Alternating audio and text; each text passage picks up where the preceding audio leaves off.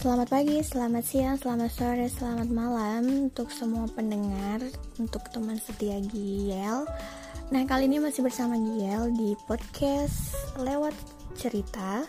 Nah, kali ini Giel tuh mau sharing atau mau berbagi cerita nih ke teman-teman. Uh, pernah gak sih kalian ngerasa bahwasanya terkadang itu setiap masalah yang kita temui atau yang kita pernah lewati gitu, kita berpikir kok Allah kayak gitu banget sih sama kita gitu ya? Kok uh, ujian kita tuh berat banget beda sama yang lain kok dia bisa bahagia banget kok dia bisa uh, hidupnya enjoy enjoy aja gitu. Nah tapi uh, bagi dia sendiri yang mungkin pernah ngelewati atau pernah ada di masa-masa sulit ya mungkin uh, teman-teman yang lain punya punya masa-masa sulitnya sendiri dan tentunya beda-beda ujiannya gitu ya Nah, pernah gak sih ngerasa kayak uh, udah stuck nih, udah mentok banget di akhir gitu ya, udah nggak ada tahu nggak tahu lagi nih harus mau apa, harus ngapain, udah hanya bisa diem, merenung, udah kayak gitu. Nah ternyata terkadang Allah itu punya cara sendiri untuk kita bisa bangkit. Allah tuh ternyata punya skenario terindah yang kita nggak pernah sangka gitu. Kita pikir dengan kita diuji dengan masalah seperti itu udah hidup kita tuh eh, nggak akan bisa bahagia lagi atau kita nggak akan bisa bangkit lagi. Ternyata Allah punya caranya sendiri gitu untuk untuk kita bisa bangkit bisa ceria lagi. Nah uh, dia pernah punya pengalaman. Itu ya mungkin itu titik terendah ya buat Gil maksudnya uh, pernah di masa itulah gitu ya. Tapi setelah Gil jalani, setelah Gil pikir-pikir, ikhtiar, kemudian berdoa uh, dan serahin semuanya lillahi ta'ala gitu ya udah serahin semuanya sama Allah ini skenario terbaik dari Allah. Nah ternyata itu Allah kirimkan orang yang yang kita nggak sangka-sangka gitu pertama dengan kita dipertemukan dengan orang baru kita dipertemukan dengan teman baru sahabat baru lingkungan pekerjaan yang baru atau komunitas baru atau uh, usaha baru itu semuanya adalah skenario Allah dan itu semuanya adalah rezeki dari Allah.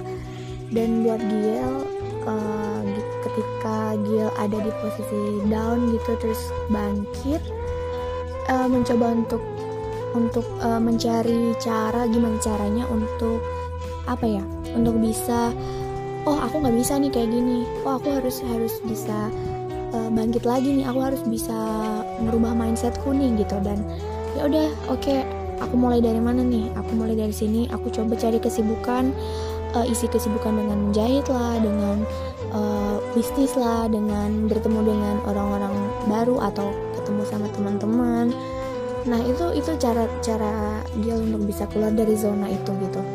Nah hingga pada akhirnya Giel dipertemukan dengan beberapa orang-orang yang menurut Giel masya Allah gitu masya Allah dalam arti ternyata dia bertemu dengan orang ini tuh memberi memberi apa ya gairah baru memberi senyuman baru memberi semangat baru karena Gil belajar banyak dari orang itu bahwasanya uh, kita tuh harus realistis kita tuh harus optimis gitu. Dan kita tuh harus punya sifat toleransi juga gitu. Dan sifat toleransi ini yang Gil tuh bisa dapat dari orang ini gitu. Dan itu adalah suatu hal yang wah masya Allah gitu.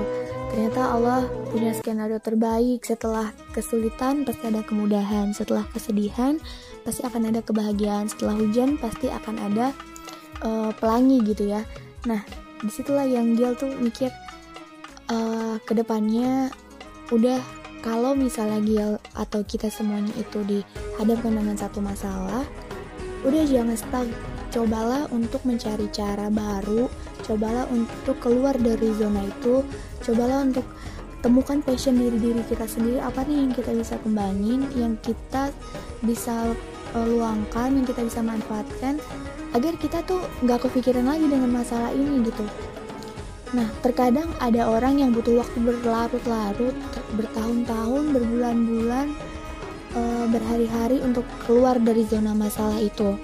Nah, kalau dia tergantung dengan situasi masalahnya seperti apa ketika Gil berada di titik terendah butuh waktu tiga bulan lebih lah untuk bisa keluar dari zona yang tidak menyenangkan itu dan sekarang udah udah apa ya dibilang uh, happy ceria bahagia dan gak ada beban gitu. Dalam arti oh ya udah aku hanya fokus dengan diriku sendiri dengan keluarga aku dan aku hanya fokus untuk gimana caranya aku akan bisa bermanfaat untuk orang lain gitu. Nah gitu sih. Jadi untuk teman-teman yang mungkin sekarang lagi uh, dihadapkan dengan sebuah masalah kemudian uh, lagi bingung mencari jalan keluarnya. Cobalah untuk uh, merenungi sesaat tapi jangan berlarut-larut. Merenungi apa yang salah dari uh, yang kita lakuin gitu. Apa yang salah dari uh, niat kita selama ini gitu. Dan ya udah luruskan niat temukan cara terbaik untuk kita bisa keluar dari zona itu. Cari kesibukan ketemu dengan orang-orang yang positif sharing ke mereka cari tahu caranya gimana maksudnya uh, minta solusi dari mereka. Kalau aku punya masalah seperti ini aku harus kayak gimana gitu. Terkadang kita terlalu banyak mendengarkan saran orang nih misalnya. Tapi yang lebih paham itu adalah diri kita sendiri. Artinya jawabannya itu ada di diri kita sendiri. Kayak Gil misalnya punya masalah dengan si A, si B, si C. Nah terus Gil minta saran nih sama si A, si B, si C. Menurut kamu aku harus kayak gimana gitu ya? Nah mereka udah saranin nih kayak gini, kayak gini, kayak gini. Tapi nggak cocok di kitanya gitu. Kayak bagi kita tuh bukan kayak gitu loh maksudnya. Bukan itu loh yang aku mau denger. Bukan itu loh yang yang uh, solusinya gitu. Jadi kita nggak maksudnya kita menolak gitu. Padahal kita yang bertanya orang cuma ngasih tahu dari sudut pandang mereka tapi kitanya nggak terima. Nah itu kalau menurut Giel uh, itulah kenapa kita harus lebih banyak mendengar kita harus lebih banyak mendengar. Ketika kita lebih banyak mendengar maka kita akan kita juga akan mudah didengarkan orang kayak gitu. Nah kalau kita banyak mendengar artinya kita akan mudah untuk berbicara. Itu yang poin pertama.